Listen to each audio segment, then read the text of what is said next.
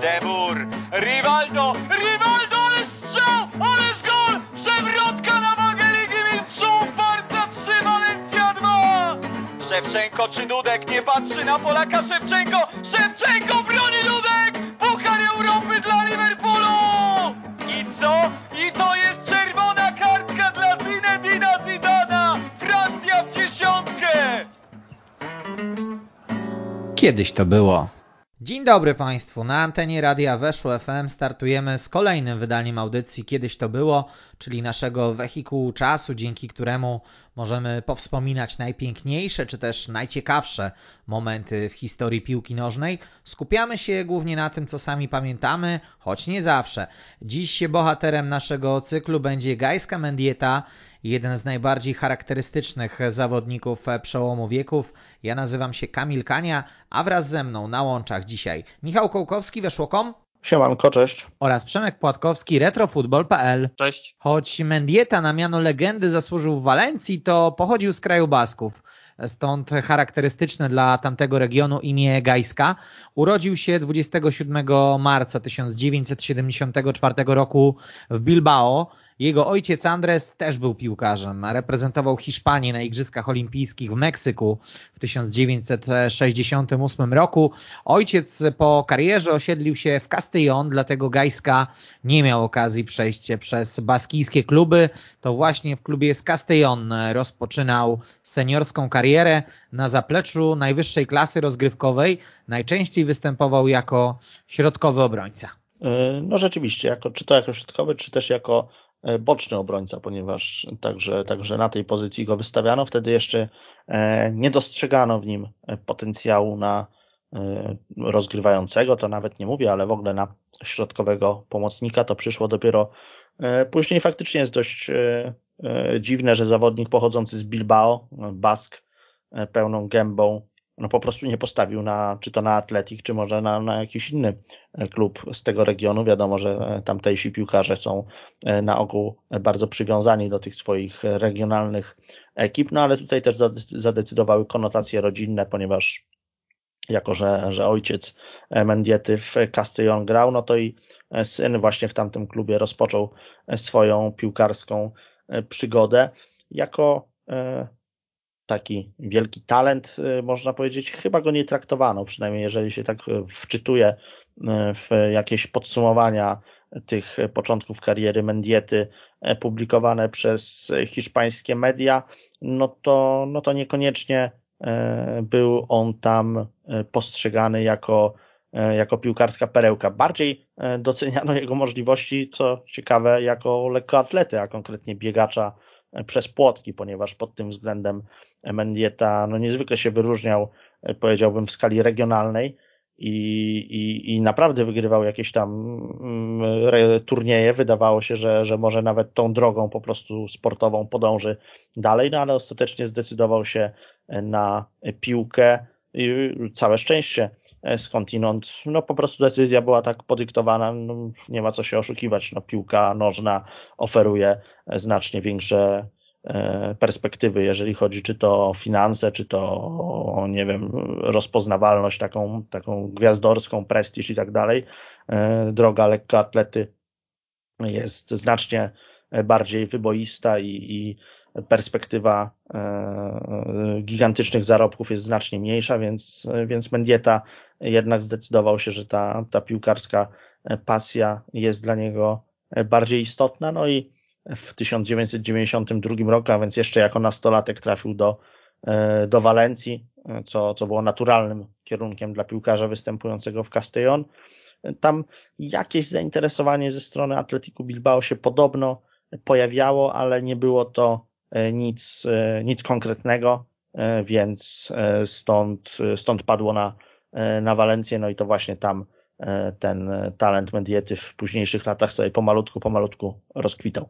Michał wspomniał o tych sukcesach lekkoatletycznych Gajski Mendiety, który zdobywał medale w biegach przez płotki. I w końcu do futbolu namówił go jego ojciec Andres, który nie tylko reprezentował Hiszpanię na Igrzyskach Olimpijskich, ale także przez pięć lat był zawodnikiem Realu Madryt. Jeszcze zdążył się załapać na tę serię pierwszych sześciu triumfów królewskich w Pucharze Europy w sezonie 1965-66, sięgnął po to trofeum wraz z królewskimi. Grał poza tym jeszcze w m.in. Rayo Vallecano, w Deportivo La Coruña czy w Villarrealu.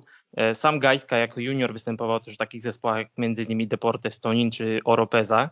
Natomiast e, debiut w Castellon zanotował już w wieku 17 lat. E, to były tylko dwa występy w, w sezonie 91-92. Oba te mecze jego drużyna przegrała 0 do 2 z Meridą oraz z Racingiem Santander. Później już tych szans nie dostał, ale to był też jakiś sygnał, że e, młody, utalentowany piłkarz może być e, pociechą nie tylko dla regionu, ale także dla całej hiszpańskiej piłki, skoro w wieku tak młodym już dostaje szansę gry na środku obrony, pozycji przecież bardzo odpowiedzialnej, gdzie jednak doświadczenie jest niesamowicie istotne.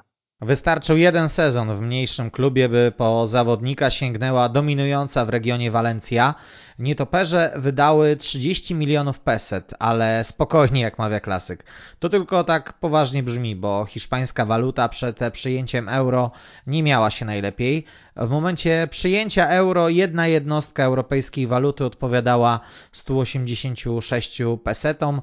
W styczniu 1994 roku zadebiutował w pierwszej drużynie i nie oddał już miejsca w składzie do końca sezonu. Przełomowy dla kariery Mendiety wydaje się okres pracy z Claudio Ranierim. Włoski trener objął Walencję latem 1997 roku i przekwalifikował Mendietę na gracza drugiej linii. W 1999 roku z Mendietą jako liderem drużyny zespół ze Stadium Estaja sięgnął po Puchar Króla, zgłaszając akces do walki o najważniejsze laury w kolejnych latach. Mendieta z kolegami po drodze do finału eliminowali Barcelonę i Real Madryt. Królewskich rozbili aż 6 do 0. Pomocnik zdobył dwie bramki z Barceloną, jedną z Realem, a jednego gola Dorzucił także w finale, w którym Walencja rozbiła Atletico Madryt 3 do 0. To prawda. Gajska e, w Baskonii, imię e, Gajska wywodzi się od słowa zbawca i, i w jakimś sensie można powiedzieć, że, że ten Mendieta e, w takiego zbawcę Walencji się wcielił, ponieważ poprowadził ją do, do gigantycznych sukcesów i, i uczynił z niej ekipę niewątpliwie legendarną. Te początki mm, po, po przeprowadzce do, na Estadio Mestaja no takie były powiedzmy mieszane. Generalnie dosyć szybko włączono go po, po latach spędzonych w rezerwach do, do pierwszego zespołu, ale czy tak od razu w tym pierwszym zespole Mendieta zabłysnął, no to powiedzieć nie można. Sama Walencja też miała takie w te, te lata 90. trochę E, trochę mieszane, ponieważ to był, to był zespół bujający się od e, wielkich ambicji i nawet wicemistrzostwa e, kraju do środka tabeli i kończenia sezonu gdzieś tam na dziesiątej pozycji, takie, takie rozgrywki zupełnie bez historii. A też nie jest tak, że, że tam nie, nie grały wtedy w tym zespole gwiazdy światowego futbolu, no bo pojawiali się, pojawiali się tam naprawdę poważni zawodnicy, tacy jak choćby Predrag Mijatowicz czy Liubosław Penew, a szkoleniowcem Walencji przez jakiś czas był m.in. Hus Hiddink, mający już na koncie triumf w Pucharze Europy z reprezentacją Holandii, więc to, to są niebagatelne E, historię. No, niewątpliwie lata tam powiedzmy 93, 95 to była jeszcze taka mieszanka nastrojów dla Mendiety. Trochę kontuzji, trochę przesiadywania na ławce, no i sezon 95-96 to taka e, eksplozja jego, e, jego talentu i, i na stałe wymoszczenie sobie miejsca w pierwszym zespole pod wodzą wtedy Luisa Aragonesa. Trzeba pamiętać, że to był właśnie ten sezon, kiedy Walencja dotarła do drugiego miejsca w La Lidze, więc, więc Mendieta e, jeszcze wtedy nie był pierwszoplanową taką gwiazdą zespołu, ale już dał się poznać jako wartościowy element ekipy zdradzającej naprawdę wielkie ambicje. Rzeczywiście to Ranieri, który objął zespół e, w sezonie 90, 97 98 z rąk Jorge Valdano, no był tym pierwszym szkoleniowcem, który naprawdę zauważył że w Mendiecie tkwi potencjał na lidera drugiej linii, na taką postać e, absolutnie wiodącą. E, Ranier nie miał wtedy łatwego zadania w okiełznaniu sytuacji w Walencji, ponieważ to był jakiś konglomerat e, w ogóle zdumiewających postaci. Był tam Ariel Ortega, E, wielka, wielka gwiazda rozgrywek argentyńskich, który nie potrafił się tak za bardzo przestawić na europejski futbol. Był w ogóle Romario e, wyciągnięty z imprezy. E, był Angloma, świetny francuski stoper, który mógł, mógł spokojnie stanowić fundament defensywy. Był doświadczony Zubizarreta, byli piłkarze powyciągani gdzieś z Peru, z państw arabskich, no taka trochę wieża Baber, Rumun, Adrian Ilie, E, naprawdę, naprawdę nie było, nie było łatwo włoskiemu szkoleniowcowi jeszcze w tym wszystkim e, się, się połapać, no ale e, Ranieri na tyle, na ile zrobił sobie, sobie przegląd wtedy sił w Walencji, no to doszedł do wniosku, że właśnie, że właśnie Gajska Mendieta to jest ta postać, której, którą trzeba obdarzyć jak największym zaufaniem i to zaowocowało w 1999 roku. Walencja powróciła do wielkiej gry, w hiszpańskiej ekstraklasie ukończyła rozgrywki na czwartym miejscu, ale z e, niewielką stratą do e, choćby do drugiego miejsca, które za, na którym uplasował się Real Madryt, to były tylko trzy punkty różnicy, więc, e, więc widać było, że ekipa z Mestaja no, no, pod, wodzą, pod wodzą Ranieriego porządnie się wzmocniła, no i przede wszystkim zatriumfowała w Pucharze Króla, a finał tych rozgrywek był, był wielkim popisem samego Mendiety, który po pierwsze zaliczył asystę przy otwierającym trafieniu Claudio Lopeza, no ale po drugie popisał się e, absolutnie cudownym golem e, na 2 do 0. E, polecam wszystkim, którzy albo nie widzieli, albo chcieliby sobie o tym trafieniu przypomnieć, żeby, żeby po prostu rzucili okiem na, na finał Copa del Rey z 1999 roku między Atletico Madryt a Walencją, gdzie nietoperze ostatecznie zatriumfowały 3 do 0, bo to trafienie Mendiety E, no to jest coś, e, coś pięknego i, i taki jeden z najbardziej spektakularnych e, highlightów kariery włos, hiszpańskiego pomocnika. No i od tego momentu można powiedzieć, że już Mendiety nie można było pod żadnym pozorem lekceważyć, a kolejne lata jego, jego kariery to jest pasmo czy to sukcesów drużynowych, czy to sukcesów e, indywidualnych, jakimi były dla niego wyróżnienia, na przykład dla najlepszego e, pomocnika Europy, które potrafił otrzymywać rok do roku, a pamiętajmy, że mówimy o czasach, no choćby Zinedina Zidana, więc kiedy e, ktoś Mendietę wybierał najlepszym pomocnikiem starego kontynentu, no to musiał uznać, że Hiszpan jest jeszcze bardziej wartościowym piłkarzem dla swojej drużyny niż Zinedine Zidane dla własnej. To naprawdę znaczyło wiele. Walencja pod wodzą Hectora Coopera dwa razy z rzędu dotarła do finału e, Champions League.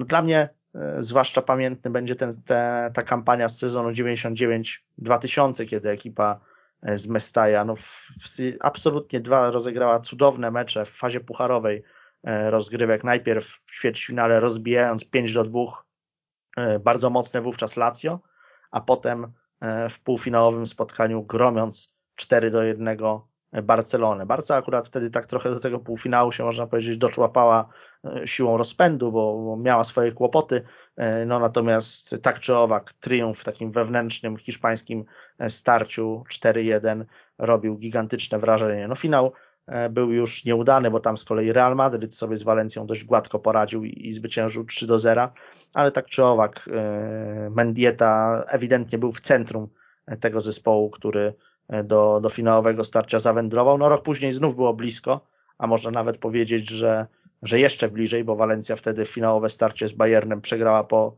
konkursie rzutów karnych. Mendieta najpierw wykorzystał jedenastkę w trakcie meczu już w trzeciej minucie, e, potem wykorzystał też jedenastkę w konkursie rzutów karnych, no ale jego koledzy e, trochę, trochę tam zawiedli i, i finalnie Mauricio Pellegrino był tym piłkarzem, który E, który pomylił się w decydującym, z decydującym strzałem i, i Bayern sięgnął po Puchar Mistrzów. Ale także i w tej kampanii no, Walencja miała kilka takich niezwykle cennych triumfów, żeby przypomnieć choćby, choćby półfinałowe zwycięstwo 3 do 0 z Leeds United, czy wcześniej też pokonanie e, bardzo mocnego Arsenalu, więc no, na europejskiej arenie ekipa nietoperzy właśnie z Mendietą na kierownicy niewątpliwie e, zapisała taką piękną, e, piękną kartę, no i tylko wiadomo, no pozostaje gigantyczny niedosyt, że chociaż jednego z tych finałów Ligi Mistrzów nie udało się e, zamienić na, na końcowy triumf no bo, no bo też pewnie jeszcze inaczej byśmy o tej Walencji i o samym Mendiecie pamiętali, gdyby, gdyby Puchar Mistrzów mieli oni na koncie. Jak Kamil wspomniał na początku tego wątku, Walencja zapłaciła 30 milionów peset za Mendiety, co tylko tak potężnie wygląda, bo jeśli chcielibyśmy przeliczyć to na euro, to wychodzi nam około 150 tysięcy euro, także suma absolutnie niepowalająca nawet jak na, jak na tamte czasy. E, od 1994 roku Mendieta odgrywa e, bardzo dużą rolę w, w zespole. E, w marcu tego roku po raz pierwszy ma taki swój duży moment, kiedy otwiera wynik meczu na Santiago Bernabeu, meczu ligowego z Realem. W szóstej minucie strzela gola na 1 do 0. Ostatecznie zespół Husa Hidinka przegrywa ten mecz 2 do 3. E, w sezonie później Mendieta ma, ma nie, nieco problemów z łapaniem się do składu u Carlosa Alberto Pareiry, e, ale już w 1996 roku debiutuje w europejskich pucharach. Walencja wtedy jako wicemistrz kraju awansowała do pucharu UEFA i tą przygodę zakończyła na ćwierćfinale, eliminując po drodze Bayern Monachium, Slawie Praga oraz Besiktas, zatrzymując się dopiero w, w czwartej na Schalke Gelsenkirchen, które potem sięgnęło po, e, po ten puchar. E, w lidze, w, w lidze w tym samym sezonie w Walencji pod e, wodzą Jorge Valdano już tak dobrze nie idzie, można by żartobliwie, żartobliwie powiedzieć, że klub dopadł nieco syndrom polskich zespołów, które po dobrych występach w pucharach nie radziły sobie w lidze. E, w 1997 roku Claudio Ranieri zostaje trenerem Walencji, Włoch, który e, ma na koncie sukcesy z Fiorentiną, dopiero co zdobył Puchar oraz Superpuchar Italii. E, Mendieta zostaje przesunięty do ofensywy, gdzie e, najlepiej można dostrzec te jego walory.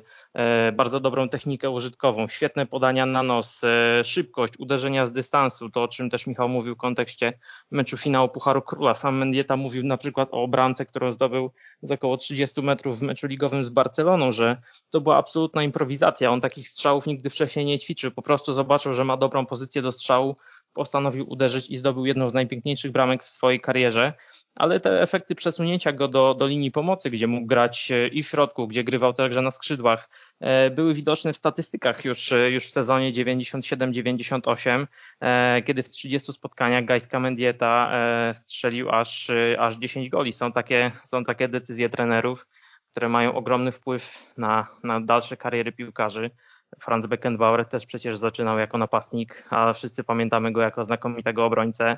Mamy przykład z naszego polskiego podwórka. Łukasz Piszczek też był kiedyś wicekrólem strzelców polskiej ekstraklasy i dopiero w Berlinie został przesunięty na bok obrony, e, gdzie stał się postacią e, no niemalże legendarną na, na tej pozycji. Od 1998 roku Mendieta zaczyna zakładać e, opaskę kapitana nietoperzy. E, wychodzi jako kapitan na oba finały Ligi Mistrzów, o których e, Michał wspominał. Zabrakło takiego, takiego stempla na tym jego pobycie w Walencji, bo mm, przegrane dwa finały Ligi Mistrzów, w zasadzie tylko jedno trofeum przez, przez długi czas gry w zespole nietoperzy. Puchar Króla po finale 3 do 0 z Atletico Madryt, e, gol diety, dwie bramki Claudio Lopeza. Obaj panowie mieli się spotkać niedługo później już w barwach rzymskiego Lazio.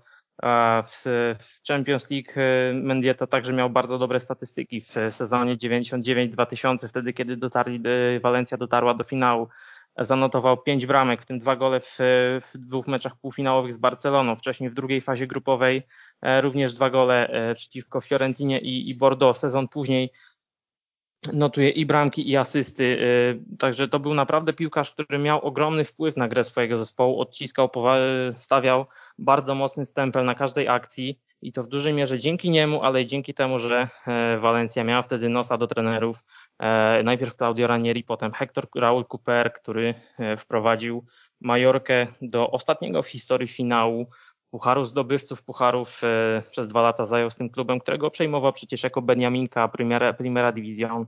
Zajął z nim piąte i trzecie miejsce.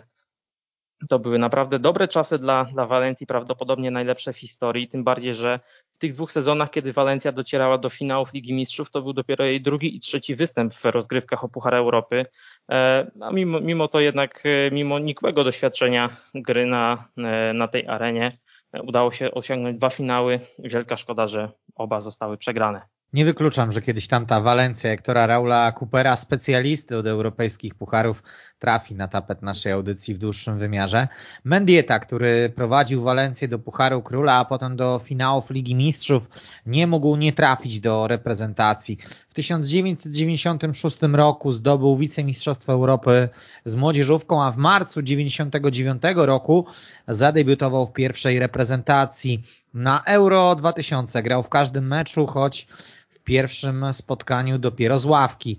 Na mundialu w Korei i Japonii zaczął z pozycji rezerwowego, ale po znakomitym występie z RPA, bramka i asysta w fazie pucharowej był już graczem podstawowego składu. Oba turnieje Hiszpania kończyła na ćwierćfinale, choć grała jak nigdy, to przegrywała jak zawsze. No, przynajmniej wtedy tak się wydawało. E, kilka miesięcy po mundialu zagrał ostatni mecz dla La Roja.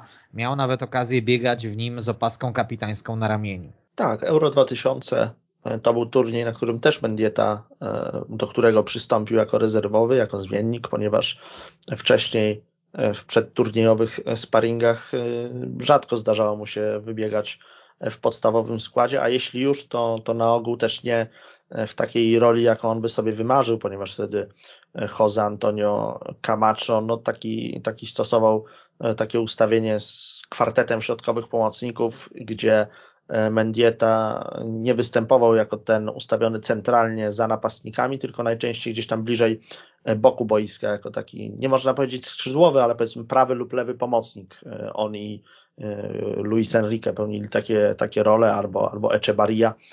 Natomiast takim, taką dziesiątką częściej był, zdaje się, Juan Carlos Valeron, a defensywnym pomocnikiem Josep Guardiola, znany nam doskonale. No i no, jako się rzekło, e, Mendieta na ogół był albo, albo zmiennikiem jeszcze w eliminacjach, albo, albo był tak, tak próbowany trochę nieśmiało w pierwszym składzie. E, no i na Euro zaczął od 19 czy tam 20 minut rozegranych w starciu z reprezentacją Norwegii. Starcie wyjątkowo nieudane dla Hiszpanów, ponieważ przegrane z Norwegami zresztą e, w sytuacji takiej dosyć kuriozalnej, bo tam asystę przy golu dla ekipy ze Skandynawii, asystę zanotował bramkarz e, Tomasz Myre. Później ci Norwegowie zostali poskromieni przez dzielną reprezentację pana trenera Jerzego Engela w eliminacjach do, do mundialu, no ale z Hiszpanami sobie poradzili. To był taki znak dla selekcjonera, że trzeba coś tam namieszać w pierwszym składzie. Wiadomo, że porażka w otwierającym spotkaniu wielkiego turnieju na ogół skłania trenerów do choćby niewielkich, ale, ale jakichś tam eksperymentów. No i Jose Antonio Camacho zdecydował właśnie, że to jest czas na e, Mendietę, co okazało się e, rozwiązaniem e, zupełnie, zupełnie słusznym, ponieważ w kolejnym spotkaniu Hiszpanie już odnieśli zwycięstwo ze Słowenią, potem po no takim meczu chyba jednym z najlepszych w ogóle w całej historii Mistrzostw Europy, najbardziej spektakularnych. Reprezentacja Hiszpanii pokonała 4 do 3 yy, Jugosławię, strzelając dwa gole głęboko, głęboko w doliczonym czasie gry, wychodząc ze stanu 2 do 3 do 4 do 3. Mendieta strzelił jedną z tych bramek z rzutu karnego tam chyba w czwartej czy w piątej minucie doliczonego czasu gry, no i potem jeszcze Alfonso e, już e, jeszcze później przesądził o zwycięstwie La Rocha. Potem Mendieta w, w ćwierćfinałowej konfrontacji z Francją też zdołał wpisać się na listę strzelców, znowu z rzutu karnego.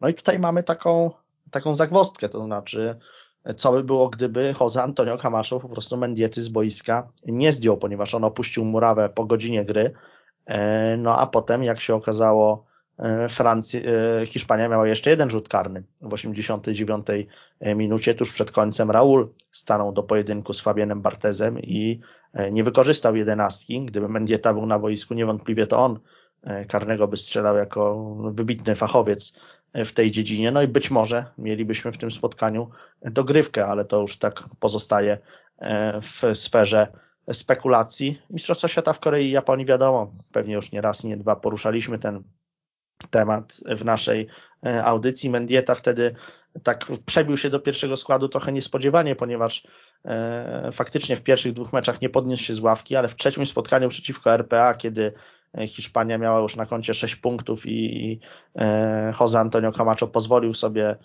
na, na pewne, pewne nowe przemyślenia, może eksperymenty, no to Mendieta zaprezentował się fantastycznie, zdobył bramkę bezpośrednio z rzutu wolnego, też dograł asystę do Raula, no w sumie asystę, tam uderzył na bramkę i Raul to potem dobił. No, niektóre portale, choćby Transfermarkt, liczą to jako asystę. No tak czy owak to, to poskutkowało tym, że w kolejnych meczach już grał w dosyć dużym wymiarze czasowym e, Mendieta, no bo, no bo w starciu z Irlandią e, dostał, dostał od e, trenera prawie prawie ponad chyba 50 minut gry, potem, potem konfrontacja z Koreą, ta owiana złą sławą i znowu Mendiety na boisku było, było sporo, bo, bo całą dogrywkę spędził i jeszcze tam kawał podstawowego czasu.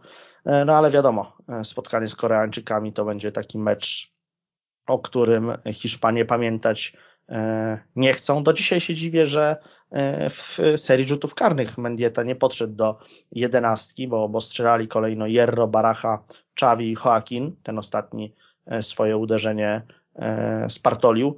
No, mam tako, takie przemyślenie, że Mendieta był szykowany na tę, tę piątą serię, że, że to on miał przypieczętować być może awans Hiszpanii, no ale może to, to nie było najrozsądniejsze wyjście, trzeba było e, takiego naj, naj, najlepszego fachowca od, od jedenastek e, po prostu szybciej, e, szybciej wyznaczyć, a nie zwlekać z nim e, do końca, no bo tutaj chyba zadziałała zasada, że myślał kogu to e, o niedzieli, a w sobotę mu łeb ścieli. No i suma summarum Hiszpanie w gigantycznych kontrowersji po porażce w rzutach karnych pożegnali się z turniejem, a dla Mendiety nie było to może pożegnanie z drużyną narodową, ale mm, załamanie jego kariery klubowej poskutkowało tym, że w kadrze e, jego rola szybko została zmarginalizowana, no no a w końcu przestał po prostu otrzymywać powołania i po 2002 roku już do reprezentacji Hiszpanii nie wrócił.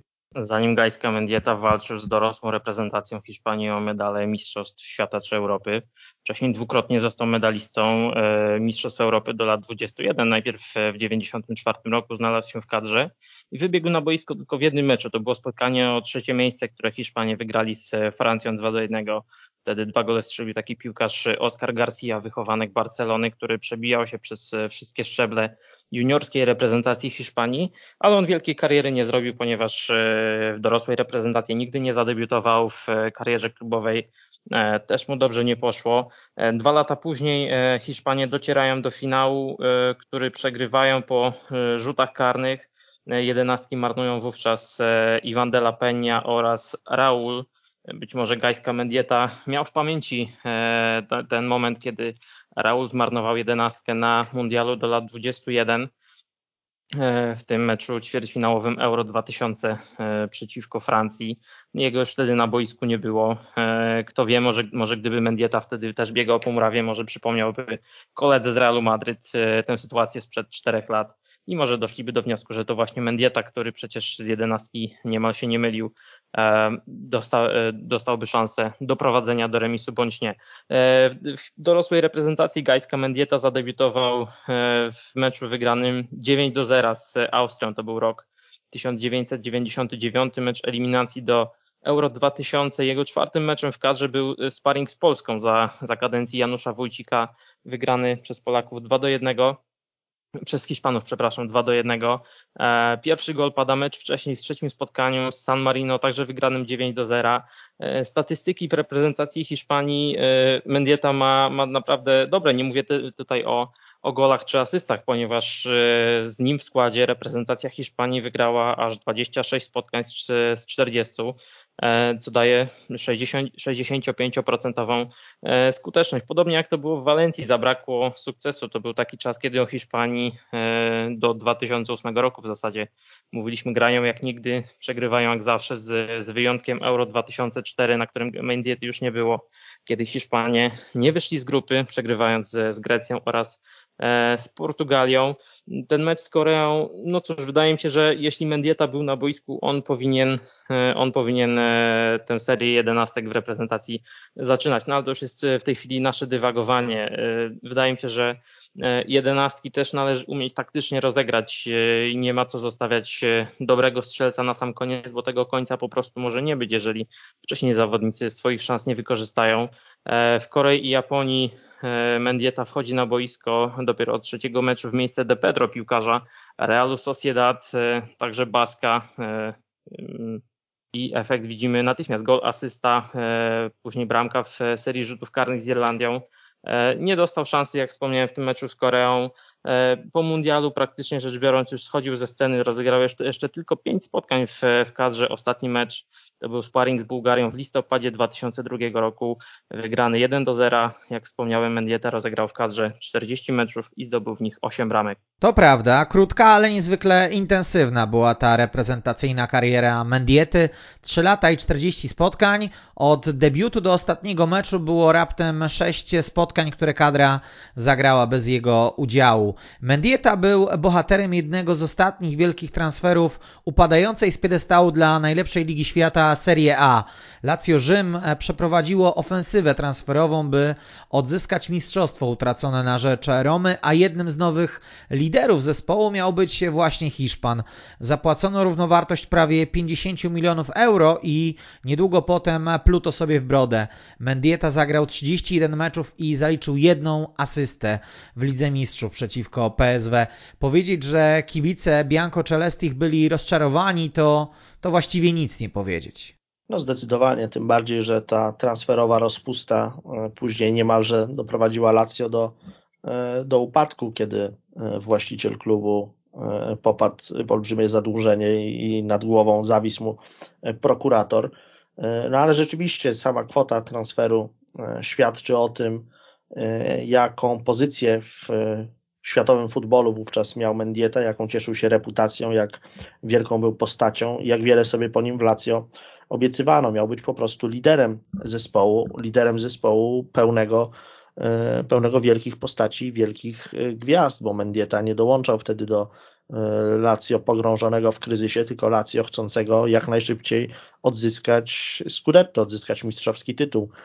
Rzymianie w 2000 roku zakończyli rozgrywki ligowe na pierwszym miejscu, potem uplasowali się na e, trzeciej pozycji, no i to potraktowano jako rozczarowanie. Właśnie Mendieta miał być jednym z tych zawodników, którzy e, pozwolą, e, pozwolą znowu wznieść się na, na szczyt, a za partnerów miał innymi swojego starego znajomego Claudio Lopeza, ale i Karela Poborskiego, i Hernana Crespo, i Michajlowicza, Neste, Simeone, i Stama, i Perucciego i tak dalej, i Fernando Couto, no, no naprawdę cały szereg gigantów e, wówczas europejskiej czy też światowej e, piłki, więc e, wydawało się, mm, że, że to faktycznie może być brakujący element tej układanki że taki piłkarz z takim zmysłem do rozegrania, z taką smykałką do czytania gry, no w towarzystwie takich znakomitych partnerów odnajdzie się jak ryba w wodzie i będzie po prostu robił to samo, co robił w Walencji, czyli, czyli dowodził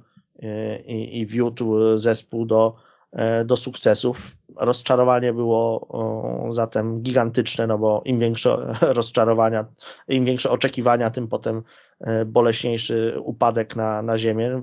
Mendieta zaczął swoją przygodę z Lazio naturalnie jako zawodnik pierwszego składu, no bo trudno by było żeby trener trzymał go na ławce rezerwowych, ale, ale to, to jak Rzymianie weszli w rozgrywki Serie A, to był po prostu jakiś koszmar. No. Po dziewięciu ligowych kolejkach mieli na koncie tylko jedno zwycięstwo. Udało im się e, zdobyć zaledwie trzy gole w dziewięciu meczach i w, w, tym dwa w jednym meczu, co jest jakimś zupełnym horrorem. No, e, czarę goryczy przelała dziewiąta kolejka, która była E, niezwykle prestiżowym starciem Derby della Capitale, starcie z AS Romą.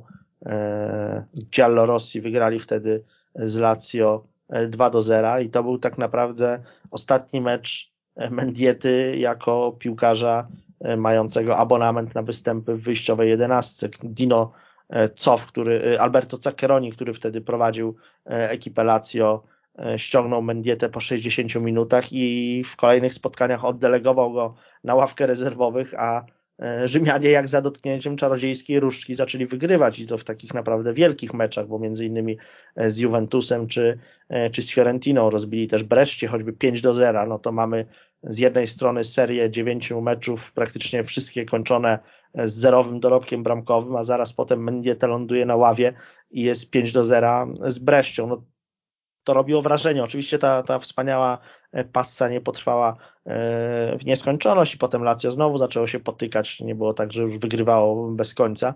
Ostatecznie Rzymianie zakończyli ligowe zmagania na szóstej pozycji. Natomiast Y, no, Mendieta został po prostu przekreślony. On do końca rozgrywek już nie odzyskał swojej pozycji y, w Lazio. Od czasu do czasu jeszcze Zaccheroni mu tam dawał zagrać od, od pierwszych minut, ale to były tylko incydenty. No, przekreślony został w naprawdę błyskawicznym tempie, jak na piłkarza, y, który kosztował taką fortunę.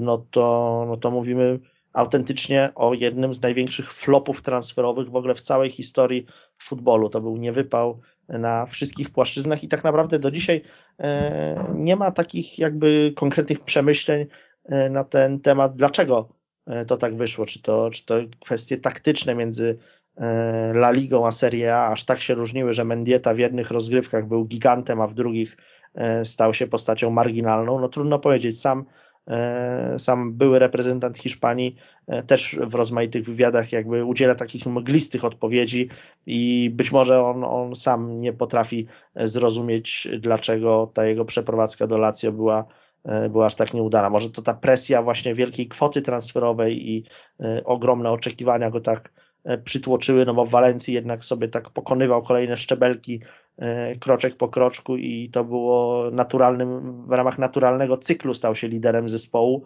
a tutaj miał wejść i pozamiatać. No kompletnie mu się to, e, to nie udało i już po jednym sezonie został e, oddelegowany do, do FC Barcelony na, na wypożyczenie. I wydaje się, że no, to, to na pewno jednym z powodów finansowego i sportowego upadku Lazio E, było po prostu wydanie aż tak wielkich pieniędzy na gajskę Mendietę. Nie mówię, że to jakby główny był e, tutaj e, podmuch, który zdmuchnął to domino, ale, ale no, no, no co tu dużo mówić, transfer katastrofalny. Mendieta po latach wspominał, że on co prawda nie, nie patrzył na kwotę, jaką na niego wydano, E, ale, ale jednocześnie rozumiał żal tych, którzy, którzy wydali tę kwotę na niego, chociaż wydaje mi się, że, że to gdzieś musiało ciążyć, że jeżeli piłkarz kosztuje astronomiczne, jak na tamte, na tamte czasy 48 milionów euro, czyli czy 40 milionów dolarów, e, był w momencie transferu najdroższym Hiszpanem i czwartym najdroższym zawodnikiem. Ciekawe, jak potoczyłaby się jego kariera, gdyby w 2001 roku zamienił Walencję na Madryt, ponieważ miał propozycję bardzo konkretną z madryckiego Realu, E, który chwilę wcześniej pobił światowy rekord transferowy, sprowadzając za 65 milionów dolarów Zinedina Zidana. E, jednocze, jednak e, Mendieta zdecydował się na transfer do Wiecznego Miasta, poza tym, że Lazio wydało na niego tak ogromną kwotę, to jeszcze zaproponowało mu czteroletni kontrakt z, z, z pensją ponad 3,5 miliona euro za sezon, e, więc e, to była naprawdę ogromne, ogromne pieniądze. E, Mendieta mówił, że we Włoszech czuł się fatalnie i nie wiedział do końca, czym to było spowodowane. Po prostu nie mógł się tam zupełnie odnaleźć. Musiał wejść, był, był oczywiście wielkim piłkarzem, ale musiał też wejść w bardzo duże buty ponieważ w środku pola musiał zastąpić Juana Sebastiana Verona, który zamienił Lazio na Manchester United. E, oraz e, Pawła Nedwieda, który przeniósł się do Turynu. E, jednakże tak jak już Michał i Kamil wspomnieli, to była absolutna klapa, zaledwie jedna asysta w, w całym sezonie. Tym bardziej, że z przodu naprawdę było komu strzelać, ponieważ w ataku grali wtedy Claudio Lopez, z którym się przecież doskonale znali z czasu gry w Walencji, był Hernan Crespo, był Simone Inzaghi, był Darko Kowaczewicz, a mimo to te statystyki Mendiety są naprawdę katastrofalne. To wyglądają na, na piłkarza, który został kupiony gdzieś tam na pół, za pół miliona euro, żeby załatać e, dziurę w składzie, który był, byłby wpuszczany po prostu na same końcówki w co którymś meczu, a to nie były statystyki godne zawodnika. E, jednego z najdroższych piłkarzy na świecie wtedy miał, miał 29 lat w momencie, kiedy odchodził z, odchodził z później z Barcelony, do której za moment dojdziemy, ale no właśnie popatrzmy na to, jak Mendieta podejmował decyzję. Dołączał do zespołu Lazia, który rok wcześniej był mistrzem Hiszpanii, mistrzem Włoch, przepraszam, e, później był trzecim zespołem. E, w pierwszym sezonie po odejściu z Walencji ta drużyna zdobyła Mistrzostwo Kraju. Także naprawdę ten moment y, był absolutnie nietrafiony pod tym względem, ponieważ strzelił się w, w taki czas, kiedy klub, do którego przychodził już powoli gasł, natomiast ten, z którego odchodził zaczynał święcić triumfy na krajowym podwórku. Hiszpana wypożyczono do Barcelony i wydawało się, że wraca na właściwe tory. Primera Division strzelił 4 gole i zaliczył 6 asyst. Dorzucił też trafienie w eliminacjach Ligi Mistrzów przy Łazienkowskiej w Warszawie. Natomiast to był jeden z tych sezonów, o którym katalończycy chcieliby zapomnieć. Skończyło się na szóstym miejscu. No właśnie, to jest taki e, trudny jakby do zinterpretowania sezon, jeżeli chcemy tylko indywidualnie sobie podsumować występy e, Gajski Mendiety, ponieważ no, to nie była taka katastrofa jak w Lazio. No, umówmy się, tam 20 e, meczów, ani jednej bramki, jakieś tam pół asysty, e, to, to, to były zatrważające statystyki. W Barcelonie już coś tam strzelił, parę, e, parę tych piłek partnerom też, też dograł. No nie wyglądało to to katastrofalnie, tylko że sama Barca po prostu prezentowała się tak marnie, przez większość część sezonu tkwiła w środkowej części tabeli, no już y, takim totalnym horrorem był okres zimowy, tam okolice lutego, kiedy Barcelona osunęła się na 15 pozycję i zaczęła się błąkać w okolicach strefy spadkowej. Naprawdę realnie się wtedy obawiano, czy przypadkiem Duma Katalonii nie pożegna się z hiszpańską ekstraklasą tak źle, y, źle się prezentowali Katalończycy. No, no pamiętam, że na jedno z te, takich boleśniejszych porażek e, Barca odniosła właśnie w starciu z Walencją, co też no, e, tutaj podkreśla te, te, te taki błędny kierunek, jaki obrał, e, obrał Mendieta, ponieważ opuścił klub, który pozostał bardzo, bardzo silny i, i zdobywał mistrzowskie tytuły w Hiszpanii, a zaczął występować dla zespołów albo dla Lazio, już osuwającego się pomału w kierunku kryzysu, albo dla Barcelony no wręcz pogrążonej e, w kryzysie.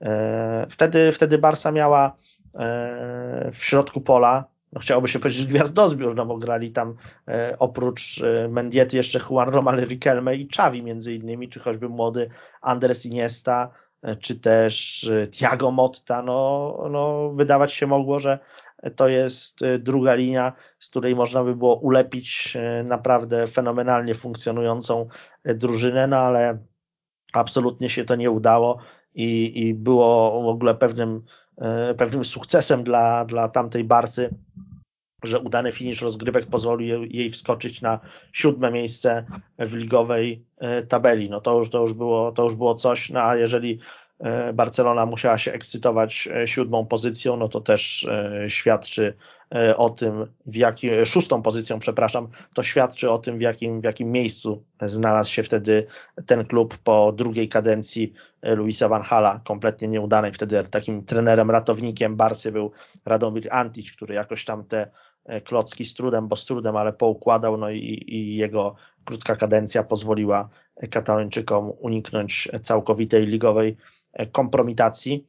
E, no tak czy owak, Mendieta jako taki e, można powiedzieć, że e, no czy wrócił na właściwe tory, to nie, no nie, na pewno nie był takim gigantem jak w Walencji, ale też trochę o sobie przypomniał, no pokazał, że, nie, że ten pobyt w Lazio to nie jest powód, żeby całkiem go go skreślić, no ale jeżeli sobie spojrzymy na to też w jakim kierunku się później jego kariera potoczyła, no to ta historia z olbrzymią kwotą transferową przepaloną przez Rzymian i z tą gigant wielką tygodniówką, z którą nie wiadomo było co zrobić, no zraziła jednak topowe kluby do, e, do Mendiety. On już musiał zejść e, dwa szczebelki niżej, ponieważ e, te, te najlepsze ekipy obawiały się, że wydawanie pieniędzy na, na Mendietę, czy też opłacanie jego umowy, to jest zbyt duże ryzyko.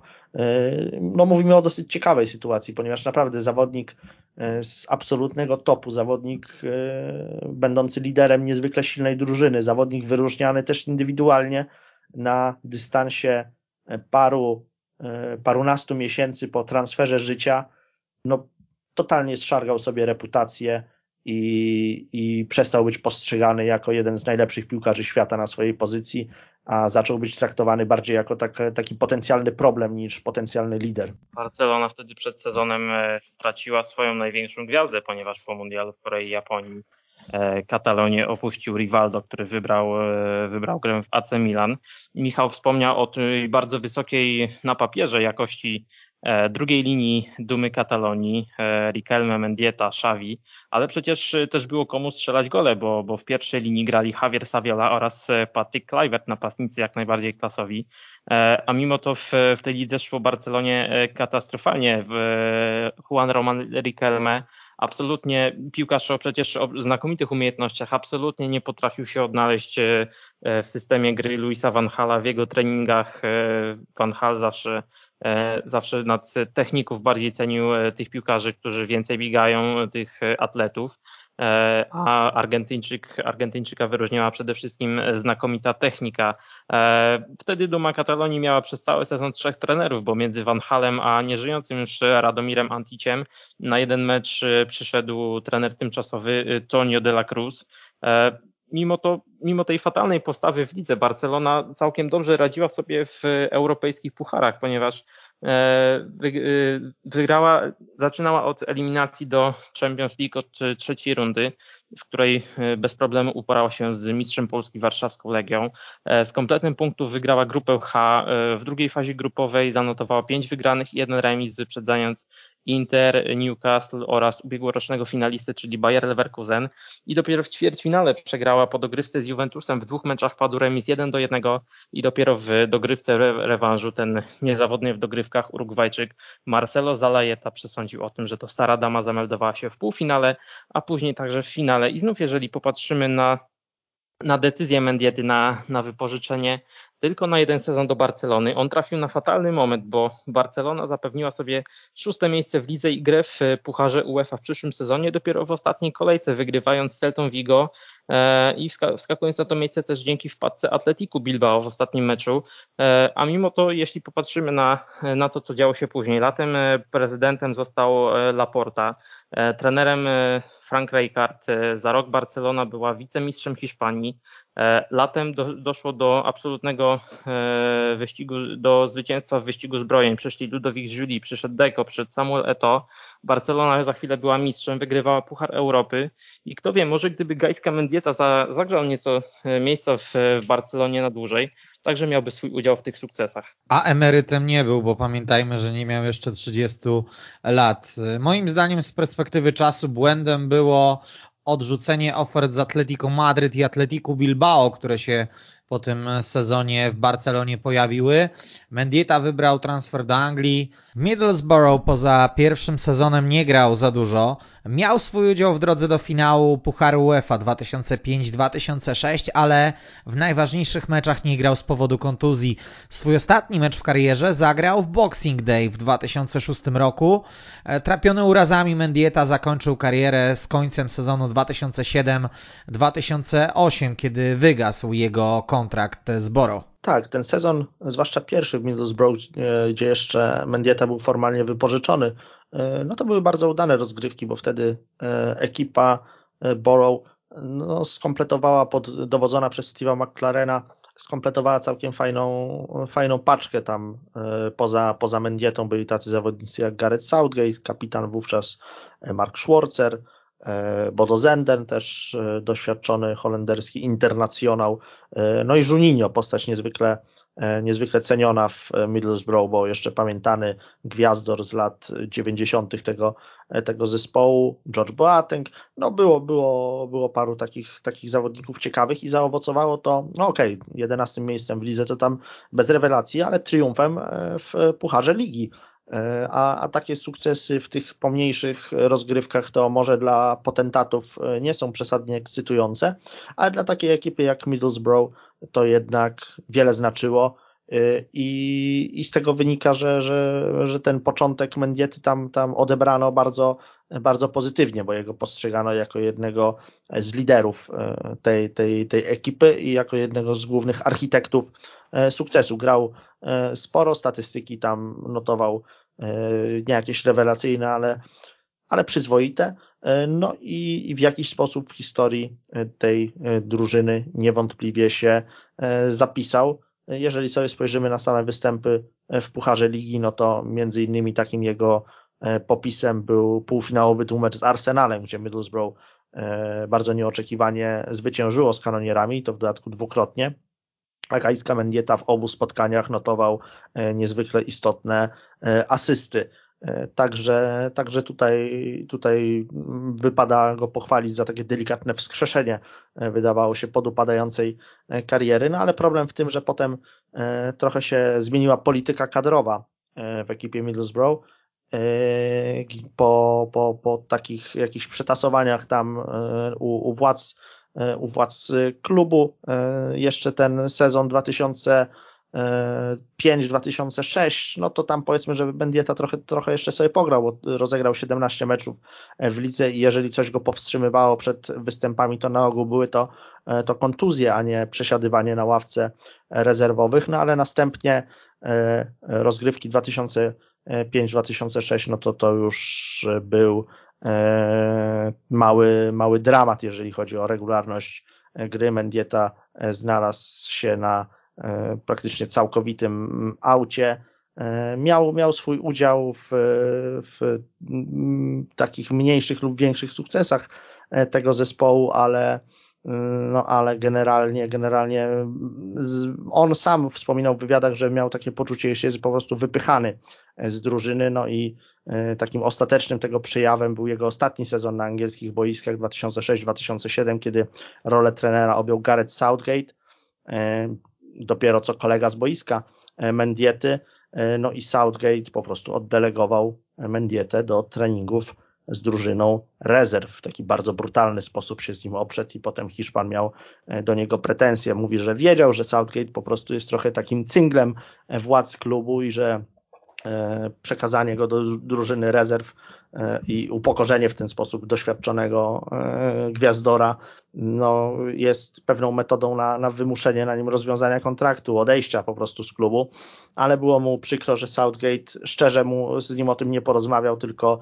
E, tak e, jakby przekazał mu tylko komunikat, że od teraz nie jest już e, piłkarzem przewidzianym do zajęć z pierwszym zespołem. No i taka to była dosyć przykra puenta tej piłkarskiej przygody, przygody Mendiety. Rzeczywiście coś w tym jest, że ta przeprowadzka do Anglii może, może nie najlepiej mu zrobiła, może trzeba było zaakceptować ofertę z Atletiku Bilbao, no jako Bask Mendieta jak najbardziej mógłby w tym klubie występować i też pewnie e, tam e, gracza o takim nazwisku i o właściwych korzeniach mocniej niż w Anglii by, e, by doceniono, no bo w Middlesbrough dopóki wszystko było w porządku mm, z formą i zdrowiem Mendiety, to, to faktycznie traktowano go jak gwiazdę, ale kiedy, kiedy troszeczkę mu się powinęła, e, powinęła noga, no to stał się takim graczem traktowanym dość, e, dość nieelegancko i powiedziałbym wręcz na siłę e, odsyłanym na, na emeryturę,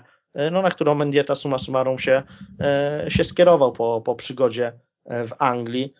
I, I znów można tylko, tylko się zasmucić, że, że tak szybko ta jego piłkarska przygoda się zakończyła, no bo on w 2008 roku, kiedy już tak definitywnie ogłosił zakończenie kariery, chociaż de facto nie grał już regularnie dużo dłużej, no był 34-latkiem, no, piłkarz o takich predyspozycjach technicznych e, po pierwsze mógłby pograć jeszcze dłużej, a po drugie mógłby grać na całkiem wysokim poziomie, tymczasem no, w przypadku Mendiety mieliśmy już do czynienia z takim straszliwym zjazdem i, i, i w zasadzie e, no, jakoś rzekło, kilka lat wystarczyło E, by Mendieta z absolutnego topu, z zawodnika kosztującego blisko 50 milionów euro e, stał się, stał się piłkarzem odsyłanym gdzieś na wypożyczenia, czy to niechcianym, czy to wypychanym, czy to e, takim traktowanym jako, jako postać problematyczna.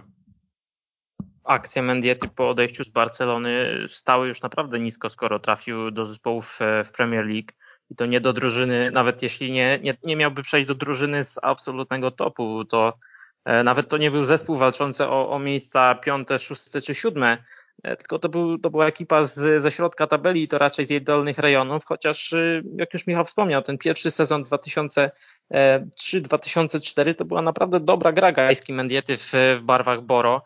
E, klub zajął 11 miejsce. On sam w lidze, no może nie wykręcił kosmicznych liczb, bo strzelił tylko dwa gole, zanotował trzy asysty. Ale miał naprawdę duży wpływ na grę zespołu. Zdobycie w 2004 roku Pucharu Ligi Angielskiej było jego ostatnim w karierze trofeum. W finale w, w Cardiff Middlesbrough pokonało Bolton 2 do 1.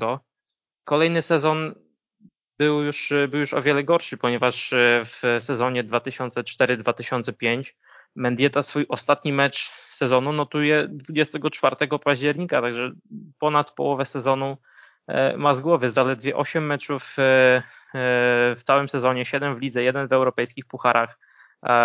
Rok później, kiedy drużyna Middlesbrough ma fantastyczną przygodę w Europie, eliminuje VfB Stuttgart, eliminuje Romę, FC Basel, Stiałe Bukareszt i przegrywa dopiero w finale Pucharu UEFA z Sewillą rozpoczynającą swój wspaniały marsz po tej chwili sześć trofeów w tych rozgrywkach. E, Mendieta już był piłkarzem marginalnym, to co Michał wspomniał. On był odsuwany od składu, e, był, był przesuwany do rezerw. E, już Steve McLaren, który jak, jak, jakoby w nagrodę za tak dobre prowadzenie ekipy Middlesbrough został w 2006 roku selekcjonerem reprezentacji Anglii. Pamiętamy wszyscy, jak, jak wielką klapą to się skończyło brak awansu na Mistrzostwa Europy w Austrii i Szwajcarii.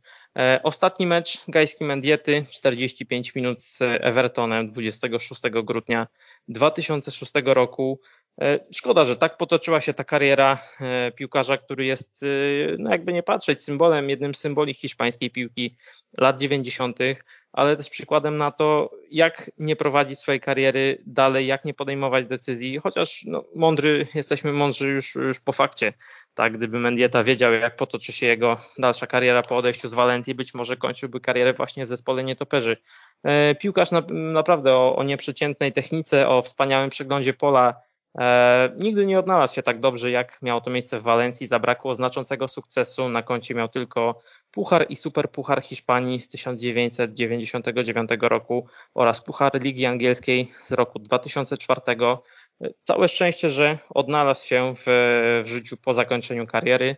Tej chwili z sukcesami pracuje jako DJ. On wspominał, że jeszcze w czasach gry w Walencji miał przyjaciela, który pracował w sklepie muzycznym Niejednokrotnie obaj w sobotnie wieczory udawali się do klubów, żeby posłuchać dobrej muzyki. Później sami próbowali odtwarzać e, co lepsze utwory e, e, w domach.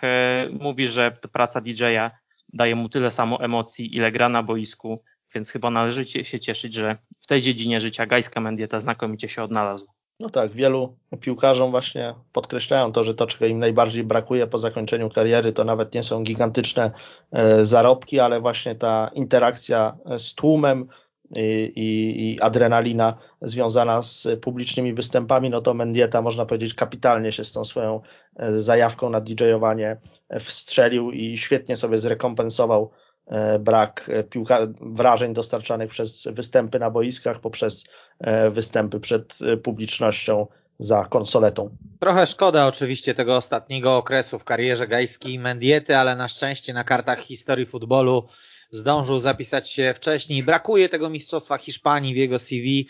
Przypadek podobny do Didiera Drogby, gdzie Wybrzeże Kości Słoniowej momentalnie zdobyło tytuł mistrza Afryki po jego odejściu z reprezentacji. Tak w pierwszym sezonie po odejściu Mendiety do Lazio, Valencia z Rafaelem Benitezem za sterami zdobyła tytuł. To odpowiedni moment, byśmy postawili sobie kropkę.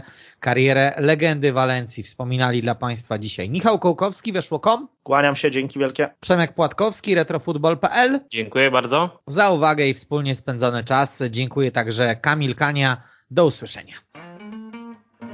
Kiedyś to było.